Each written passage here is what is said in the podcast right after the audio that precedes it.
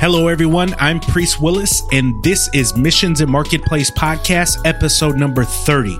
I'm joined today with Paul Jarrett, who co founded the health and nutrition subscription box, Bulu Box, in 2012 and serves as its CEO. Paul's experience spans the country from NYC all the way to the West Coast in San Francisco. He has launched million dollar businesses such as Neebo and executed multifaceted campaigns for Lowe's and Nike.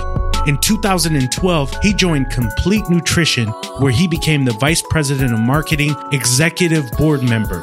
He built the marketing department, trained dozens of franchises, and positioned Complete Nutrition and its products for success in a saturated market. I think if there was anyone in a position that could do well in this subscription box business, specifically because it deals with nutrition and fitness, it would be Paul. His testimony about losing weight was amazing. His entrepreneurial drive from essentially the mud and the trailer parks to just having the passion to go out and execute his plans is inspiring. I hope you all can sit back and enjoy some really in depth discussions about building a subscription box business, how the market looks today, and what he continues to do to drive the business forward. Without further ado, here is my man, Paul Jarrett. Welcome to Missions and Marketplace Podcast.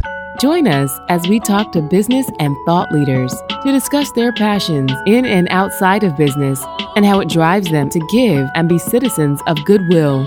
Let's get started. Hey, Paul, welcome to the show. Thanks so much for having me, Priest. I'm super stoked. Yeah, I'm excited too. Why don't you tell the audience a little bit about yourself? So, uh, my name is Paul Jarrett. I am the co founder and CEO of a company called Bulu Box, which is bulubox.com. And for 10 bucks a month, we ship four to five premium vitamin, supplement, and healthy snack samples in a Bulu box to our customers. They receive that sample box every month. They get to try things out, tell us what they like, what they don't like. They can get rewards points for providing feedback to us. Yeah. Um, we do have a little like additional angle where the brands that sample with us, we have a platform called Bulu Marketplace, and we let them, it's kind of like LinkedIn for consumer packaged goods. And we let the brands that sample with us provide all of their insights that they learn from sampling directly to retail buyers that's a whole kind of you know segment on how we got to that point which is pretty interesting but uh, that's um, something that we launched about a year ago and, and that's kind of the business to business part that's taken off for us recently Yeah, so I, I definitely want to talk about the whole ecosystem of your business there. But, Yeah. You know, let me ask two parts. So, first, what led you into creating this Bulu box? And number two, how did you get the name? Like, where did where did that come from? so i have the pr certified concocted story for bulu box. And then i have like the real actual version and i'm assuming you guys just want the real version We'll we'll right? take the real man. That's all we want. Is yeah yeah. That's what nobody understands in like you know kind of business startups. Like you kind of start executing and it's never a light bulb. It's ne- like it's a process and it's ugly. And then you're like okay we need a good story to how this thing actually started you know? It's not a light bulb. It's like trudging through the mud right? And just like who keeps going? So the honest sincere part of the, the story is that i worked at a company called complete nutrition. I was an early employee there. Complete nutrition is a gnc for really high-end products. Uh, we were really fortunate the company took off. Uh, we hit everything correctly. We went from a couple million in sales to tens of millions of sales in a really really short time I worked with a lot of franchisees and people running the stores, and we knew sampling worked, but we didn't know how to figure out the ROI on handing out a sample packet. And so I actually ended up leaving that company to go work for, and the, that company was in Nebraska. Hmm. Um, and I left that company to go work at a startup in San Francisco. And they were offering me equity and telling me about fundraising. And, and I grew up poor as hell in a trailer park in Nebraska. you So know. they they had you at equity. Yeah, well, yeah, and I'm like scratching my head because you know when people didn't pay the rent in our trailer park, like their El Camino got towed, right? Like your your your shit was taken away, right? And and you know they're telling me about venture funding, and I'm like, wait, so like if you take a million dollars and fail, like they're not going to take your El Camino and your trailer away? Like what? I'm like, is this illegal? Like it's so con. And these guys are telling it to me on a yacht because they had purchased a yacht because they had just sold the company to eBay, and I'm like dude, this is like I'm in some illegal shit. I'm in some like Wolf of Wall Street stuff going on, right? So like I had to do my homework and I was like, whoa, how do more people not know about this, right? So anyway, then that spurred this whole like, wait, why am I, you know, working for like a couple percentage points in equity when I could like have the whole shebang, right? Mm. So then my wife and I we were actually running the San Francisco half marathon and kind of armed with all this knowledge. We are just talking about starting a business and whatever. And we got to the end of the marathon and we got all these samples and nobody like wrote down shoe size. Nobody wrote down like, you know, asked me for my email. Nobody wrote down like tall, goofy, bald guy running awkwardly during marathon. There was like no sort of like customer uh, sizing up of me. And we're walking home with all these samples, and I'm like, this is crazy that people are giving out hundreds of dollars. Like, how do we ship these to people mm. and just get an email back for these companies? That's all they want. Like, that's all they want is an email. And that was the nugget of the idea started researching. We actually started building the product. Then we stumbled upon Birchbox and we're like, oh, this is super interesting. We're kind of there, but not as kind of pretty and packaged up. I feel like we would have got to something similar, but we're like, oh, this is super interesting. And we understood the concept. And so we launched Bulu Box. It took off way too fast. I, I say that out of respect to like other entrepreneurs because I know a lot of people that struggled. And given we had 10 years of experience in New York City and San Francisco in advertising, marketing, et cetera, we were the entrepreneurs that actually put a business plan with a hockey stick and actually followed it, which seems great, but also it can kind of be misleading to think that you're like really special, but you actually just, you know, did a thing. You, know, you're great. Like what also, were those core things that you did to make it take off so fast? So I know you had the experience, but what the specific ingredients that you did that made it just shoot out the gate there? So I think that a lot of it had to do with the maturity of my wife and I and us working together on other projects. You know, we had been working in some form or fashion, either at same companies or contracting each other out. And she was always kind of the creative and I was the project manager. And that allowed us to, you know, I don't think we were great at anything specifically, but probably our strength was marketing and branding. So we like understood that operations wise you know we ran a tight ship on our freelance projects so that was nice. And then kind of as far as recruiting help and recruiting team members we had worked with so many people from san francisco to new york city. We knew how to outsource and get the right people. And then finance you know we always wanted our freelance projects or other work projects to be on budget on time and over deliver and i'd say the biggest thing that we struggled with and every you know I don't care who you are, everybody has strengths and weaknesses. Ours was just really kind of like projecting forward financially. Like mm. that's, you know, we always kind of thought that there was like, you know, this magic formula and everybody can sell you on whatever. But like at the end of the day, I always tell people I'm like, you know, people, you know, we're working with people on projections or whatever. I make this joke, but I'm serious. I'm like, hold on, let me grab my crystal ball.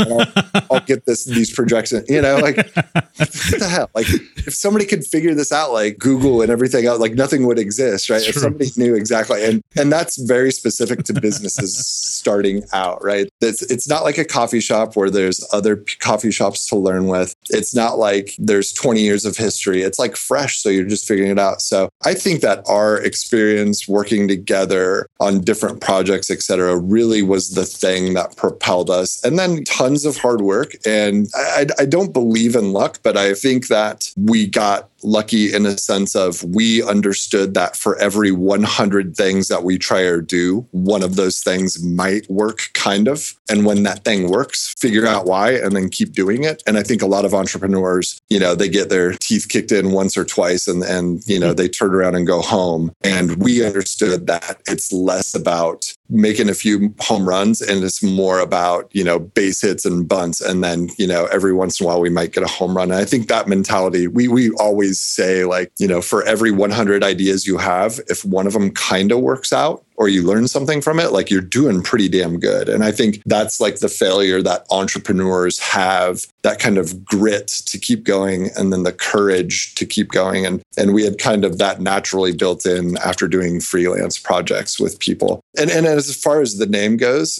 it is a secret that only four people know and that that's that's our that's our pr story because we don't really have a good story about it um, but it's a, it's not an acronym. It's nothing negative, but it's kind of fun that only four of us know it. And it's, you know, three of the people still work at Bulu Box and one of the persons that know it, she's moved on and it's remained a secret. We say when we're acquired, we're going to tell everybody someday. But I will say a big part of Bulu Box in the name was built out of kind of understanding SEO, understanding functionality, kind of it was less of what do we love and more of how many boxes does this check as far as being a good name. So the B in Bulu is like you kind of figured out, okay, how high would we rank and on what page if people are looking for subscription box and if they were to put it alphabetically, it would yes. be the B. That was one part, but then there were other pieces yep. to it as well. Got yep. it. There's about seven things, and then we narrowed it down to about three names, and then we're like, we like Bulu because of this, and oh, cool, let's keep that a secret. But yep. um, felt we fell in love, and I think this is like really important for people to understand. And and I worked on enough brands and enough logos and enough companies where like it's dangerous to fall in love with your business. Mm-hmm. I actually fell in love with the name Buku Box like a lot, but then as I was just kind of sitting in a user seat googling it and how would I look for Buku I was like, oh, buku, that's a French word, buku. And okay. And there's book U box. That doesn't look right. And yeah, how do you spell this thing? You know, like actually sitting down or like having a conversation where I would mock tell my co founder and wife, Stephanie, I'd say, hey, have you heard about buku box? Da da da da. And then trying to explain how to spell it or find it. I was like, yeah, this is not going to work. like, I, I see that though with people where like they get super connected to their business and it's their baby. And I say to people all the time of like, think of it more as a, you're the owner of a franchise and like, this is just one of your stores or this is one of your team players or whatever. And, and I'll also say that like, and it's probably totally inappropriate, but we're like, oh, our baby's always up for adoption. like,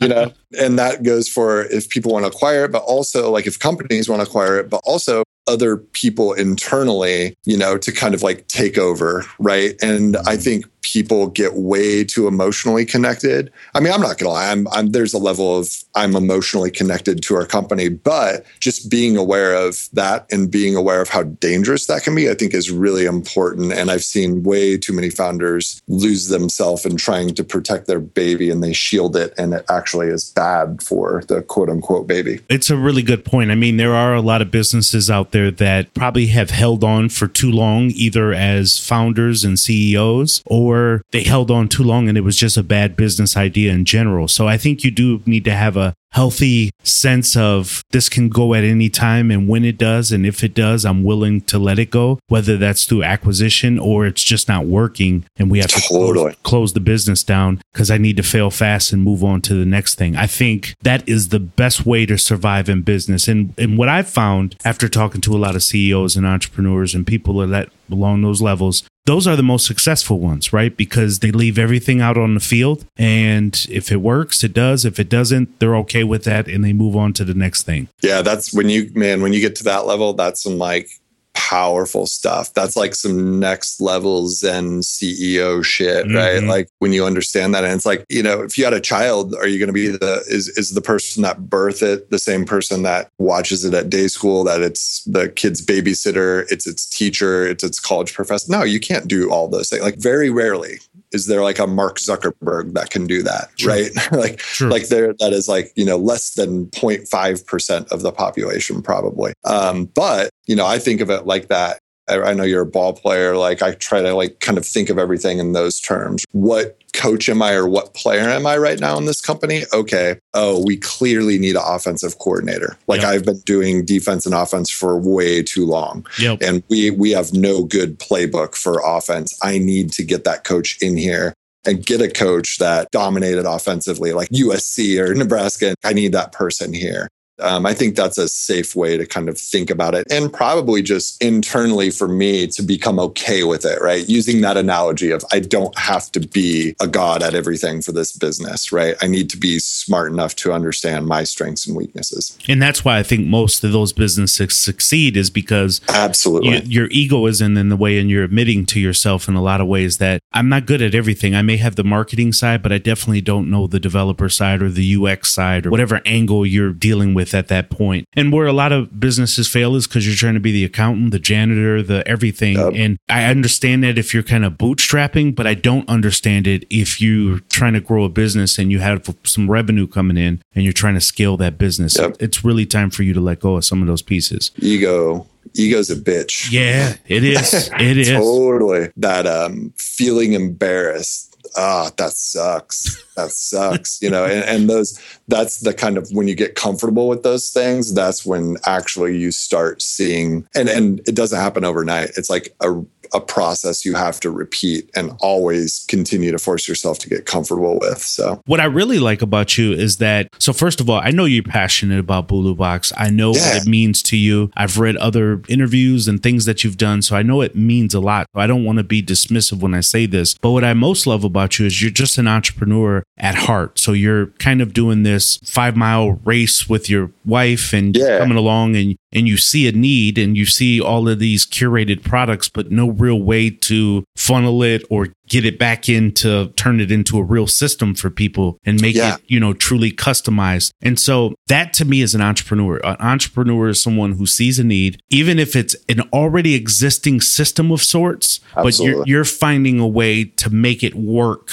People are handing out freebies. You're like, hey, we can do this, but we should do this in a more systemic process. That's an entrepreneur's mindset. But Yep. how do you go from being in school for journalism yeah, to moving into kind of an entrepreneur mindset? And again, you could have been that at 12. I don't know, but I'm trying Yeah. to get into the mind of Paul that way. before I, I have to add this to what you just said, this will blow your mind. But before the iPad came out, there were over 3,000 MP3 players. Really? So the iPod, everybody thinks the iPod was first. No, there was over 3,000. I actually worked in New York City on something for Panasonic. I, I can't even remember what the MP3 player was called. And I worked for like six months on it. It was like E player, some crappy name like that, or like E Walkman or whatever. Um, but anyway, you so know, that's just that's just hitting on the point. So my mind is blown. That's hitting on the point that Yeah. so they just took something that was already existing and Yeah. just made it cooler and better. Totally. I Yeah. mean, A- Apple is like the king of that. But then you start looking at other businesses and like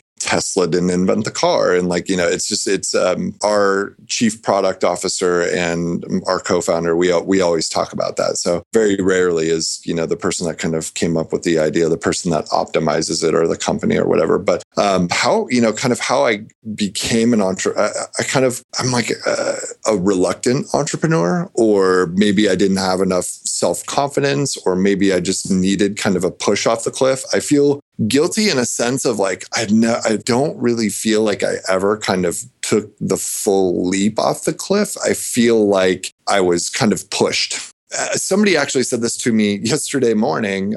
He was entrepreneur and he is talking and super interesting dude, small town in Nebraska, makes metal plates. And, you know, the one beautiful thing about entrepreneurs is like, it does not matter what you do. Totally. You're all, we're all equally weird. Totally. Like we're all equally strange, right? And he referred to, entre- and he just said it in passing. He's like, yeah, he's like, well, I wish I didn't have the entrepreneurial sickness. Like, you know, you get it. You don't, you don't want it. You're just Mhm. stuck with it. And, and I heard Reid Hoffman of LinkedIn say, normal people don't want this. And when they get it, uh, you know, kind of being an entrepreneur, when they, when they try to get it, they realize like, oh, that's not for me. Why would anybody ever want this kind of life? Right.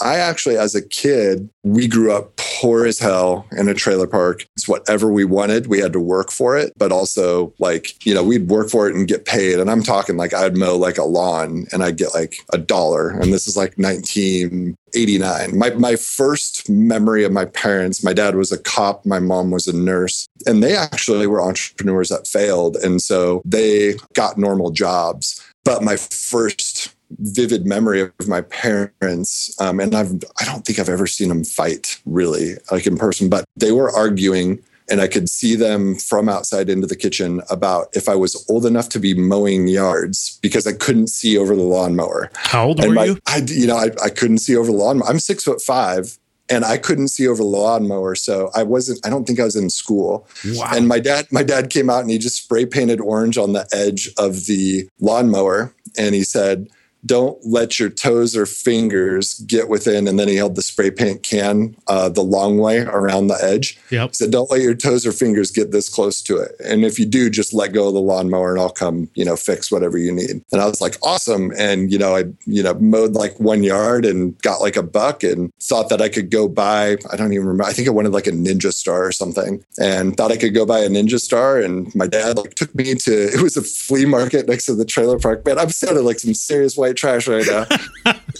no, it was fine. it was like a flea market next to the, the trailer park, and I went up there, and it was like you know five dollars. And I kind of looked at my dad, and he's like, "Looks like you got to mow like four more yards," you know. And he did that to me all the time. Like he put me in a position to succeed, but he never did the work for me. Then I just started thinking about like, well, how, this sucks, like mowing yards. And then he started talking about like, well, you got to get gas for these things, and and I just thought like, this is terrible like there has to be a better way. And then just kind of the hustler in me kind of kicked in naturally. And you know i'd go to the flea market buy stuff sell it to my friends for more good lord when that bmg columbia house thing those cds came Oh out man, remember that, that was made by the devil. but I had like the hardest hustle on that. Like I Oh. figured out like they would never come after you. They'd oh God, I hope they're not listening right now. I could use like any name I wanted, right? So I'd have like, you know, John Jones and I would get like 12 CDs sent to me and I'd go sell them to like all of my friends at like retail price and I'd just cancel and never buy the $60 CD and just start a new account. And like I made way too much money. Wow. And, and my parents found out and they're like, yeah, that's illegal. That's not a business. That's illegal. And I'm like, I'm sorry. You know, So you Um, you you did streaming before streaming was actually Totally. yeah you Totally. you did it live and up close Yeah. where you would and a steal few, the music. yeah, a few times I'd make enough money to actually, you know, I mark everything up so high that I'd actually like have enough money to buy the one CD. But also, I'm super into music, and it was because I started running out of CDs to get. So like, I would have to convince my fifth grade friends that like Beethoven's fourth uh, symphony in B flat is like the best thing they've ever heard, right? So, so which it actually is, but it's like when you're in fifth grade, you It's know, not. Yeah. yeah, and we were a bunch of like white kids. All we wanted was NWA. Like that. That was it. That was, if you could get NWA, like it was gold. Like you you needed time. some theme music for the mean streets Oh, of the trailer park, you know. yeah, right. Totally. so you know that was kind of like you know just being poor growing up and wanting things, and um, that was kind of I think the foundation. And then you know I was really pushed. You know, and I think this is a very Midwest thing. I grew up in Nebraska, and I think it's a very Midwest thing to like people talk about benefits and your retirement plan, and you know be a doctor or a lawyer or an insurance salesman or be a teacher or a police officer or a firefighter. Nobody in our school talked about, you know, do you want to be an animator? Here's how people draw. Do you want to be a singer? Do you like no like that didn't even seem Right. it was so not real to me that like it, the question never came up of like how do I sing or how do I become an animator like how do I do something creative it was just cop firefighter doctor lawyer that Yes. was that was the extent of the conversation. I agree. I'm from Wisconsin and I can attest that's exactly yeah, totally. So I just, you know, kept forcing myself to kind of believe that way. And, you know, I played football. I played football in college. I look back, I'm like, I don't even know if I really enjoyed football. Mhm. Um, I just happened to be, my wife calls me the biggest nerd in a jock's body you'll ever meet. um, I just happened to be good at it. And I also loved working at the process of getting better as an athlete. So I did that. And then I became a starter, Iowa State University, the Cyclones, back when, uh, you know, we had some really good seasons. I actually ballooned up to about 307 pounds. I was a starting nose guard. And then I quit. I just, I was starter, top of the world, all that stuff, and just didn't like it. I just didn't have fun. And, and I had a bit of a breakdown of like, why am I doing this? This isn't fun. And yeah, I might go to the NFL, but is that what I want to do? And, you know, neck injury, knee injury. And, you know, there was never one thing that made me quit, but I was just like, I, I just don't enjoy this. I don't even know if I ever have. And so I gave it up, gained a bunch of weight. When you're that big, you either gain or you lose all the weight. And I got up to 315 pounds. And um, then that started the process of vitamins, supplements. I'd always used stuff to get big, but I had never used stuff to kind of shrink, you know, and, and lose weight. And so I did try stuff and stuff did work. And, and I educated myself and um, ended up losing over 100 pounds. But then I'd yo yo back 60 pounds and then I'd, you know, lose it and kind of finally figured out through a process of discovery and trying different vitamin supplements, learning about sleep, learning about how caffeine impacts the body, et cetera, et cetera. Um, and at the same same time, I was, you know, working at companies that were selling vitamins and supplements because I kind of fell in love with fitness and health and, and that sort of thing. And really just optimizing the human body I had a friend. I was living when I moved to San Francisco to go start that business. I just had a friend and I started talking to him about things. And I didn't know at the time, I just knew him as my my pal Brian. I didn't know he was like Brian, super entrepreneur of like a $700 million plus business out of New York City. How did you how yeah. did you not know? You know, I met him at a trade show and I was like just hanging out, talking to somebody at the trade show. And he was in the corner and and it was closing up. And I was like, man, you want to bail and like go grab a drink or whatever? And he's yeah, totally. And so I think he was trying to sell me on something for my company. And I was just trying to like get out of there. And we just sat and had lunch and he was just chill. And, and, you know, we texted afterwards, emailed. And, you know, when I get to New York, we'd visit. And, you know, I just never ever started the relationship off with him knowing or understanding how kind of, you know, important in his realm he was. And um, he came to say, how I knew is somebody saw me having lunch with him in San Francisco and texted me and said, how do you, holy shit, how do you know Brian? Because they saw me, you know, having lunch with him. And I was like, I, I just looked up at him and I'm like, are you important? Should I Google you? Like, what happens if I'm going to Google you? and so, um, anyway, we started to have a conversation and he's like, and he always was asking me, when are you going to become an entrepreneur? Like, you're an entrepreneur. I can, like, just, I know them well enough and I'm talking to you. Like, you know, you're weird like me. And, you know, this is why you're bouncing from job to job, state to state, and, and kind of just enlightening me of kind of the whole world and, and understanding some of the things that I've said in this podcast or, or, or previously of like, you know, it's a sickness and entrepreneurs are all alike. And, you know, he identified that in me. And we had a conversation walking and he said, you know, I think sometimes he's not from the Midwest, but he knows plenty of people are. And he said, I think sometimes like Midwest people kind of grow up. He said something to the effect of like conservative and kind of, you know, they're never encouraged to take risk and and that and whatever. So he's like, it's kind of unfortunate because somebody like you really should be an entrepreneur not sure if it's going to happen because of kind of nature versus you know, or nurture versus nature, right? Then I, I just started just unloading business ideas. And that was something really great for me because I'd always kept ideas secret from people. Mm-hmm. And by you, letting you those felt out, free with him. Uh, yes. And by being authentic and like letting those ideas out and feeling stupid. And, and, and he was so awesome, just so awesome about it. I, you know, called him up at one day and I said, Hey, I'm working on this thing. And I sent him some images of it. And I was like, I think my wife and I are going to do it. And, you know, we actually went and bought some products to sample to test it. The website's up. And he was like, Yeah, I want to put a little bit of cash in. And it wasn't much. I thought it was a ton, right? Because mm-hmm. like that had never happened. Mm-hmm. And he walked me through term sheets and putting cash in and wire transfer and all of that stuff. And wow. So grateful for that I, I, get emotional. I get choked up thinking about it right now because like like who does that, right? You know, and like I do that now for like you know very few people, but over three years I've probably done that for. There's a guy I'm working with now. He's probably the third person I'm helping that uh, helping him out with, right? And so that's why I say you know maybe I was the reluctant entrepreneur, or maybe I just needed that push. And he was that guy. You know, I was I was,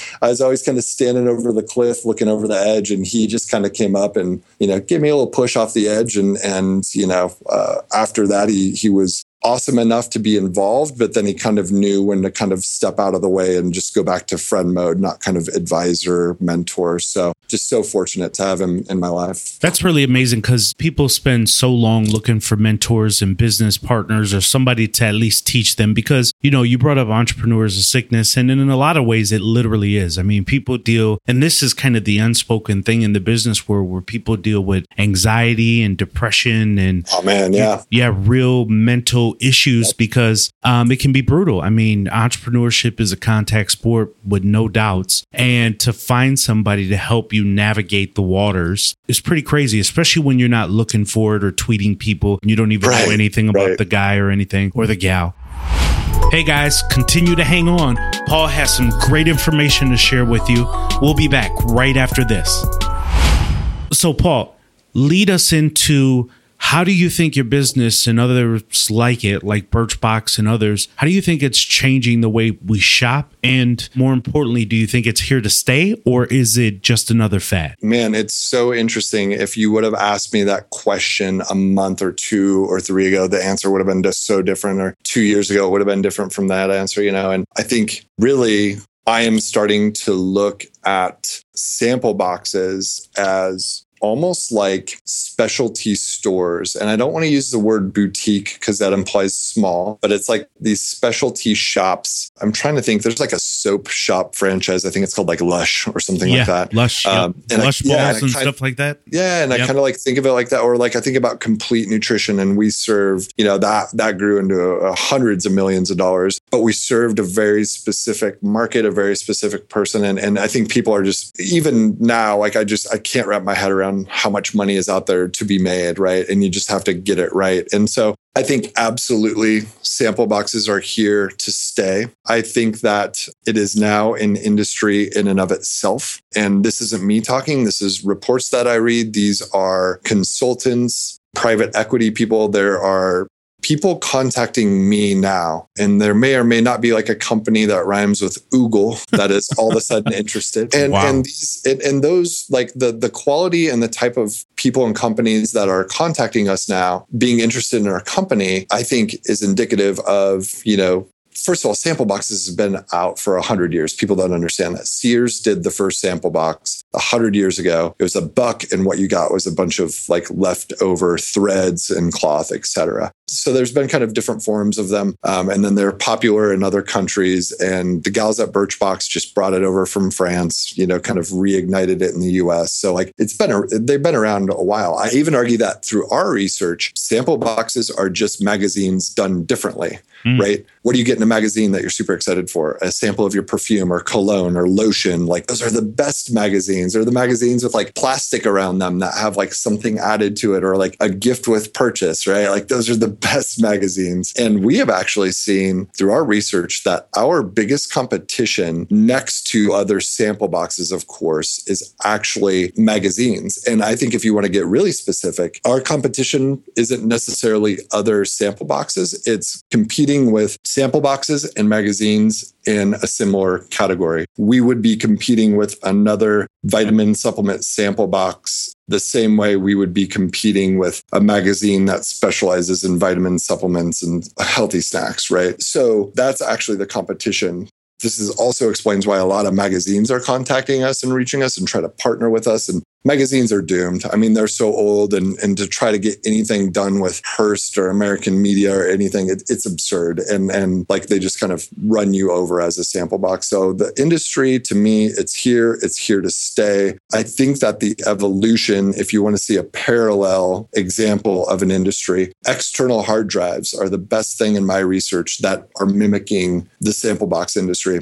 External hard drives, the little thumb drives you pop into your computer, right? Mm-hmm those those things you know a few people started and then boom there was this explosion and there was thousands of them right? And then out of the other side kind of you know if you're looking at a timeline at the end of the timeline there ended up being three companies really like three big companies. And one was a company that raised enough capital to buy out everybody else. One was a company that just remained doing the same thing, keeping a cheaper product, just doing the same thing, you know, and just kind of grinded it through. And another one was just a company that bootstrapped and kind of collected all of the failing businesses that, you know, were handed over. And I look at the sample box industry like that. And there are people out there right now rolling them up which is great because their be- sample boxes are being acquired, but also on a roll up strategy, it's a bit of can get a bit mafioso in that take this money or else you know you're you're going to get steamrolled anyway mm. right so that's been interesting and i think that's still going to take about 5 years to evolve but that's kind of where i see historically but i'll i'll tell you what man when we started and we are number 7 and then five, six, seven, 10, 20, 30, 100, 200, 1,000. You know, mm. it was like, it was scary, you know? We didn't talk about it because we were, we didn't want to acknowledge it and we just wanted to focus on what we we're good at. But man, we've seen a lot of competitors come and go, a lot. In the recent years, there's been tons that have come out. You guys actually do it unique. So I, for full transparency here, I've, you know, ordered a box. I've had a couple boxes, in fact, and I love what you do. It, it really does. You talked about it earlier in terms of curating the sample process. It really is something a little bit different than we see in other boxes, especially if you're in, well, for me, I'm into vitamins and trying to eat healthier and yep. losing weight and, and really finding some good products out there uh, without making a full on investment, at least initially. I think that's really key. So I think what you guys have is certainly here to stay. Thank know, you very much. Yeah, no problem. So I guess this is a bigger question, and so I don't I don't mean to ask it for you to try to shrink it down, but is it hard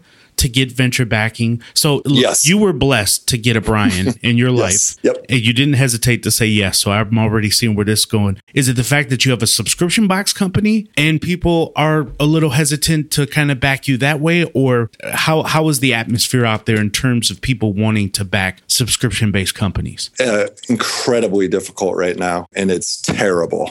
Um, The the one thing that my first investor uh, Brian uh, did that I didn't realize is he understood the weight and power that of his name and his background that it would bring to the table. Raising capital is a very intricate process. Um, I don't think anybody will ever fully understand. It's it's so much of an art and a science, and everybody tries to break it down to a science and the numbers. And the easiest thing that I say is there are specific numbers and requirements. It's kind of like applying for a job. You have to have the resume, the experience, and you have to be the best in your field. But furthermore, you have to be able to sit down and be the best storyteller ever. So, you know, you not only have to have amazing metrics, science, and, and kind of all of that stuff on the back end, but you also have to paint the most beautiful picture, right? You need to be like Einstein and Van Gogh to investors, right?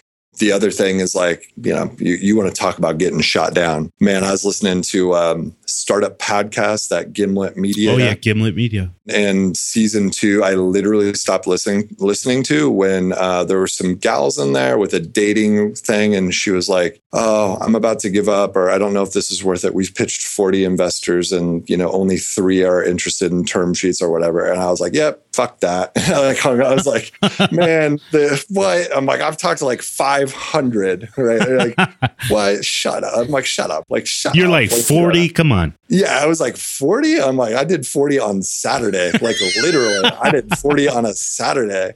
You know, I'm like, what do you call that? I call that I call that Saturday. Yeah, that's just another work day.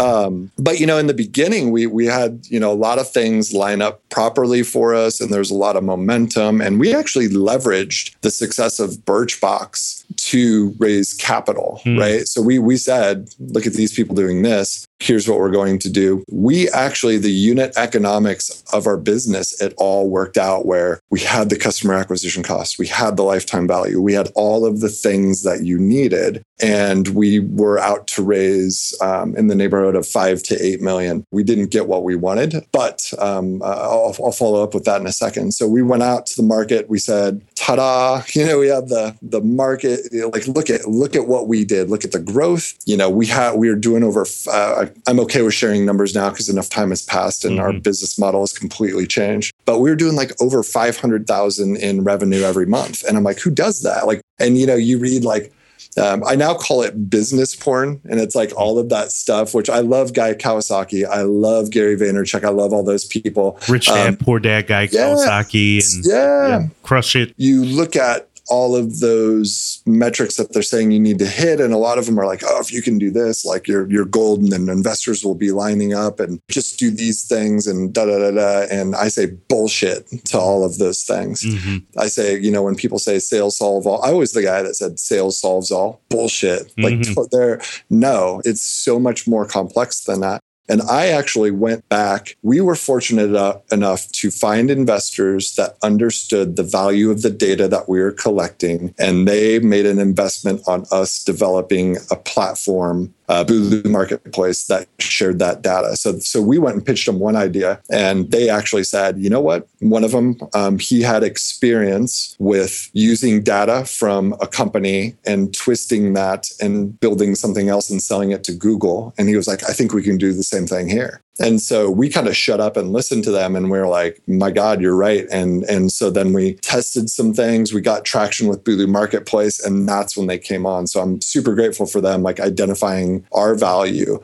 Um, but also I will say, like, we I think it was my list that I actually verbally talked to was like over 200 investors. I actually went back. I emailed a lot of them. I was so it was keeping me up at night. So I, I emailed about 50 of them and said, you know, eh, hey, 90 days has passed. Will you please like give me the real reason why you didn't invest in us? The reason they didn't invest in you usually is what they tell you. You have to wait till time passes and then they'll be straight with you. And I actually got answers that I expected and didn't expect back. And for us specifically, it came down to and and almost equal parts, but kind of the descending reasons of why people didn't invest with us were number one, which this is also our strength, but it's our weakness we are in the vitamins and supplements category. And that is very polarizing and scary for a lot of people. You know, they'll set up alerts or, you know, they'll hear a story from their cousin or their wife or their husband or their child about, you know, some terrible thing about supplements, which I could go into hours of, you know, what kind of bullshit all of that is. You know, a few bad people in the industry making it look bad and, you know, mm-hmm. all the legal things and things we do right. Like I'm so proud of our company in this industry for forcing some change they got skittish about that. Number two, I was talking to a lot of tech investors about consumer packaged goods, which is such a like facepalm idiot move by me, but nobody told me. Nobody nobody told me like, hey, I think this is more a consumer packaged goods play because you know we always believed in the data and the customer acquisition to lifetime value. We didn't really think of the physical. We don't have a warehouse stock full of products, right? So we always thought of ourselves more as technology platform versus you know an e-commerce company, and they would always kind of fall into that thinking with us and so, you know, I thought I was talking apples to apples, and they told me that I had oranges and they actually had apples, mm-hmm. you know. And so those were the first two things. Um, and then um, the third thing, which sucks to say, but it's reality, is we're in Nebraska. And it's just hard for them to either get here. They don't like taking two planes. They like to keep their investments close. You know, they don't want to be laughed at by other people that say they invest in a company in Nebraska. There's not a lot of success stories around here. That's a real thing and it happened. And and I understand, you know, getting a plane from, you know, California or New York and, you know, two trips, you know, it's eight hours before you're here. I get that but also that is what excites me about Nebraska, right? Like being a pioneer is exciting to me, mm-hmm. right? Um, not being another fish in the pond, you know, being being a, a, big fish and somebody plowing forward, right? So the whole vitamin and supplement industry, talking to tech people when they were viewing us as a consumer package good, and then the Nebraska thing, all just kind of added up. And I always say you can get over one, maybe two hurdles with a potential investor. But if you put three perceived hurdles in front of them, you can have everything you want. You can have momentum, the numbers, the story, all of those things. But by the time you're trying to get them to jump over the third hurdle, you know, they either get tired of it or there's somebody else that came along or they just don't want to go back to their team in their Monday morning meeting and go, okay, here's the last thing, you know, why we should invest in Bulu Box for the third time, right? Those are all on me as CEO, right? Like that's not an investor problem. I can't point the finger at them. Those are me, but also it has made me a better entrepreneur. And now I understand the strength and weakness of being in the vitamin and supplement category. I understand how to find the correct investors for a business moving forward.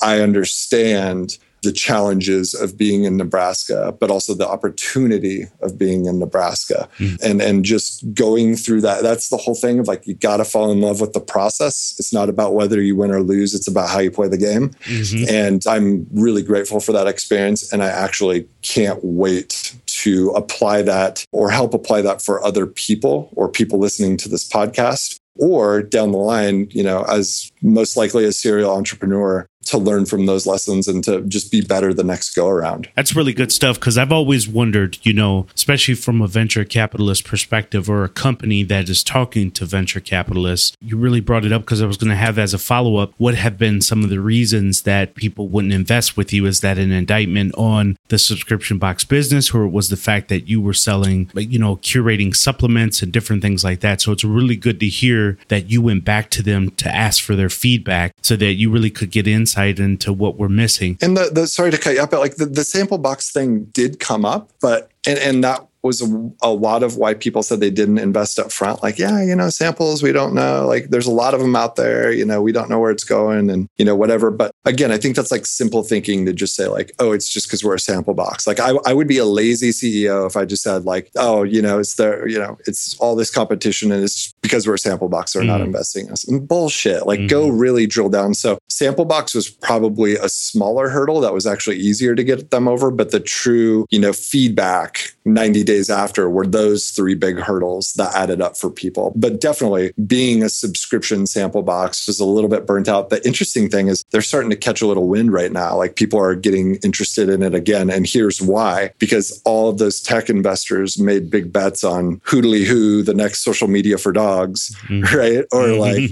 Zappa, Zappatab, you know, the next bar app. And, you know, those things not only lost, but all of their money is gone. And so they have to now, recover somewhere. Yeah. Well, and now they're like looking at us and they're like, well, at least if that company failed, there was still going to be value and they could create profit and they could, you know, get some sort of a margin, right? And they so what's interesting now is in the venture capital world, like a lot of VCs, and this is just picked up in the last couple months, they're actually looking at investments with like less of a downside. So, you know, if you create a sample box company, do you raise enough capital to buy a warehouse? So if the business fails, at least you had bought a warehouse in the process that, you know, makes the investors downside a little bit less. So that's an interesting development that I never saw coming, never even thought about it. That's interesting for sure. You mentioned in that too that you know about Bulu's marketplace do you think that is the value prop that you guys offer? Because my next question here is, you know, what are great marketing or business strategies that you guys have found along the way to kind of scale your business? And I don't know of a lot of subscription box companies that separate from the subscription box business alone, that they have a real marketplace outside of that. Is that a value prop that you guys kind of offer separately, or how does that work in conjunction with what you're doing there? If I'm being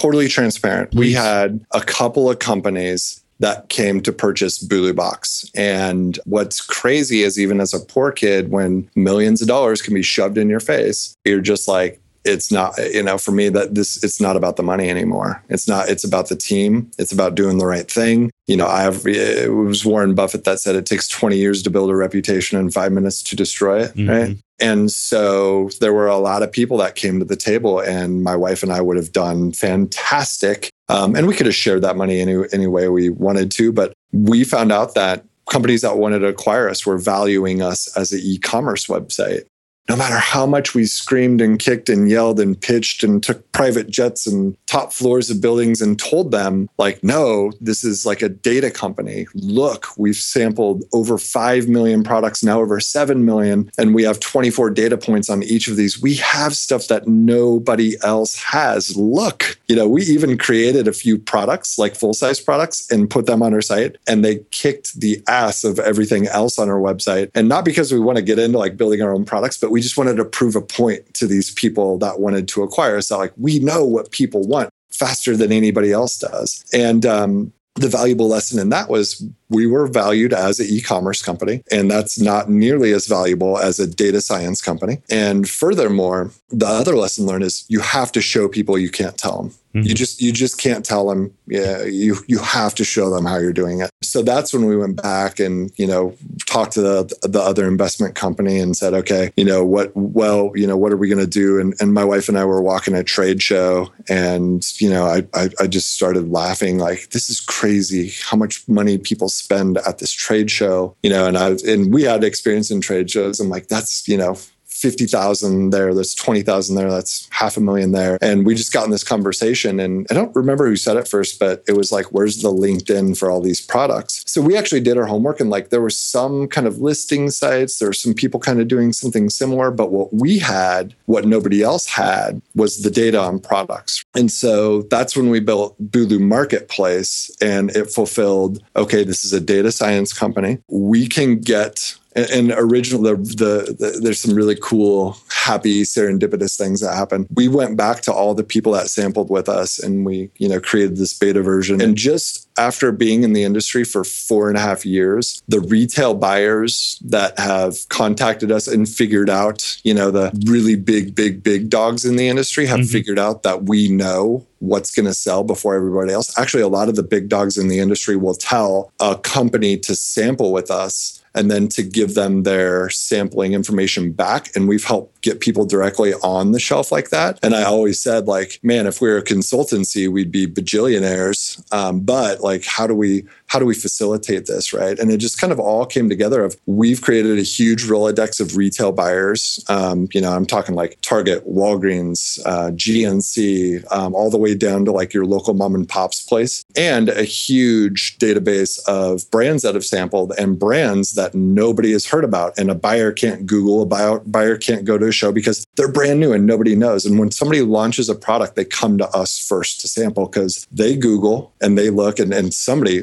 some investor at Shark Tank has to be sending people our way to sample because, you know, we've sampled a ton of those products. And so it just dawned on us that LinkedIn is fantastic. And if we can create that profile for buyers, there's things that buyers need. They need insurances, they need to see marketing, they need images to download. But furthermore, how interesting would it be if on your LinkedIn profile, you said that you did, you know, as if I had a LinkedIn profile for Paul Jarrett and I said I did over 1 million in sales but then my company actually had below it like a confirmation like yes paul actually did 1 million in sales like we're confirming that mm. here's the quickbooks report or if i said I don't know. Uh, you, you kind of get the concept. No, I, right? I, like it. That's a great idea. Yeah. Yeah. And so we built that and we started put, and, and it's only nine bucks a month for brands to use. Like literally for nine bucks, you can create a Bulu marketplace profile, get that in front of retail buyers. Retail buyers get it absolutely free. We don't even, they don't even enter a credit card um, and they get access to all of this free data.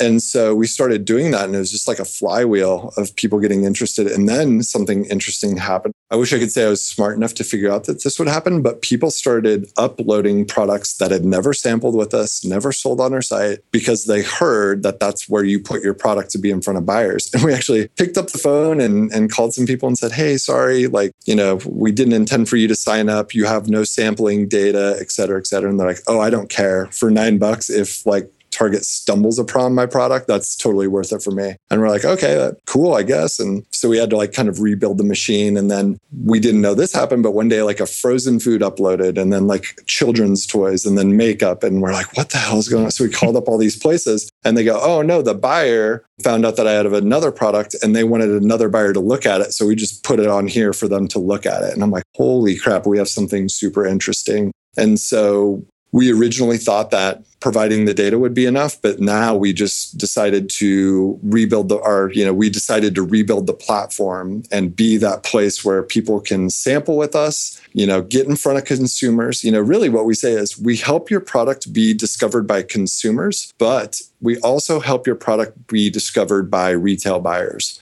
And when a little bit of data and a kind of a nice quick fast platform to use it is clear that the future of our company is Bulu Marketplace. We just made eight hires on that team in the last two months. We're hiring a few more. Um, so that's the future of our company. And we actually now, other sample boxes are coming to us wanting to put their data on the platform and kind of resell it or put their data on Bulu Marketplace just as added value. And um, we're trying to kind of figure out how we're going to handle that, right? And some companies, you know, they say, look, you can do all of our shipping fulfillment etc of the sample box you guys are really good at that um, you can use the data put it on Bulu Marketplace, and then we're just going to go back to the and say, you know, hey, we did you the favor and made you a product profile, put your data there to show to retail buyers just as added value. And of course, the brands don't have to show their sampling data. They they can show whatever they want. And um, yeah, it's it's been an interesting evolution. And my wife is my co-founder, and I joke with her and I say, yeah, it's totally normal to run two businesses and have a baby all within like a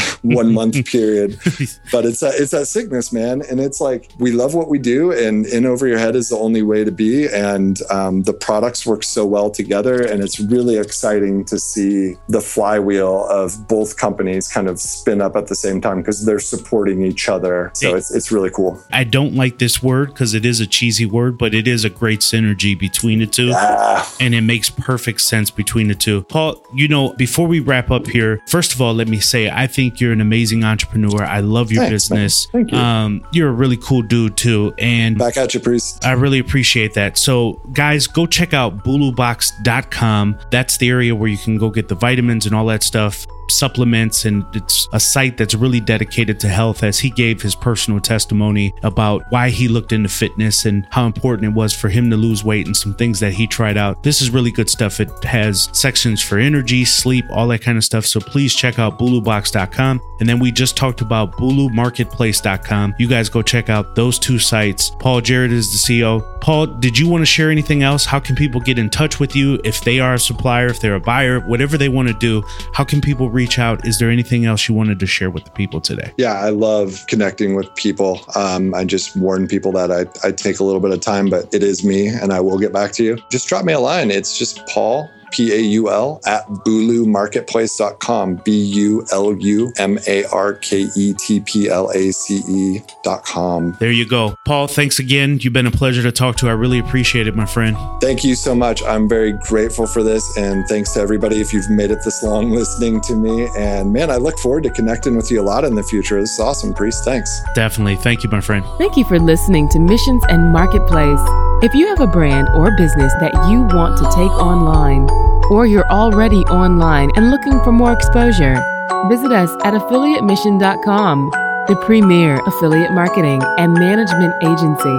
Also, feel free to get social with us and check our Facebook, LinkedIn, and Twitter pages and share with us your story on how you're leaving a mark in the world. I'm the best ever. My style is impetuous. My defense is impregnable, and I'm just ferocious.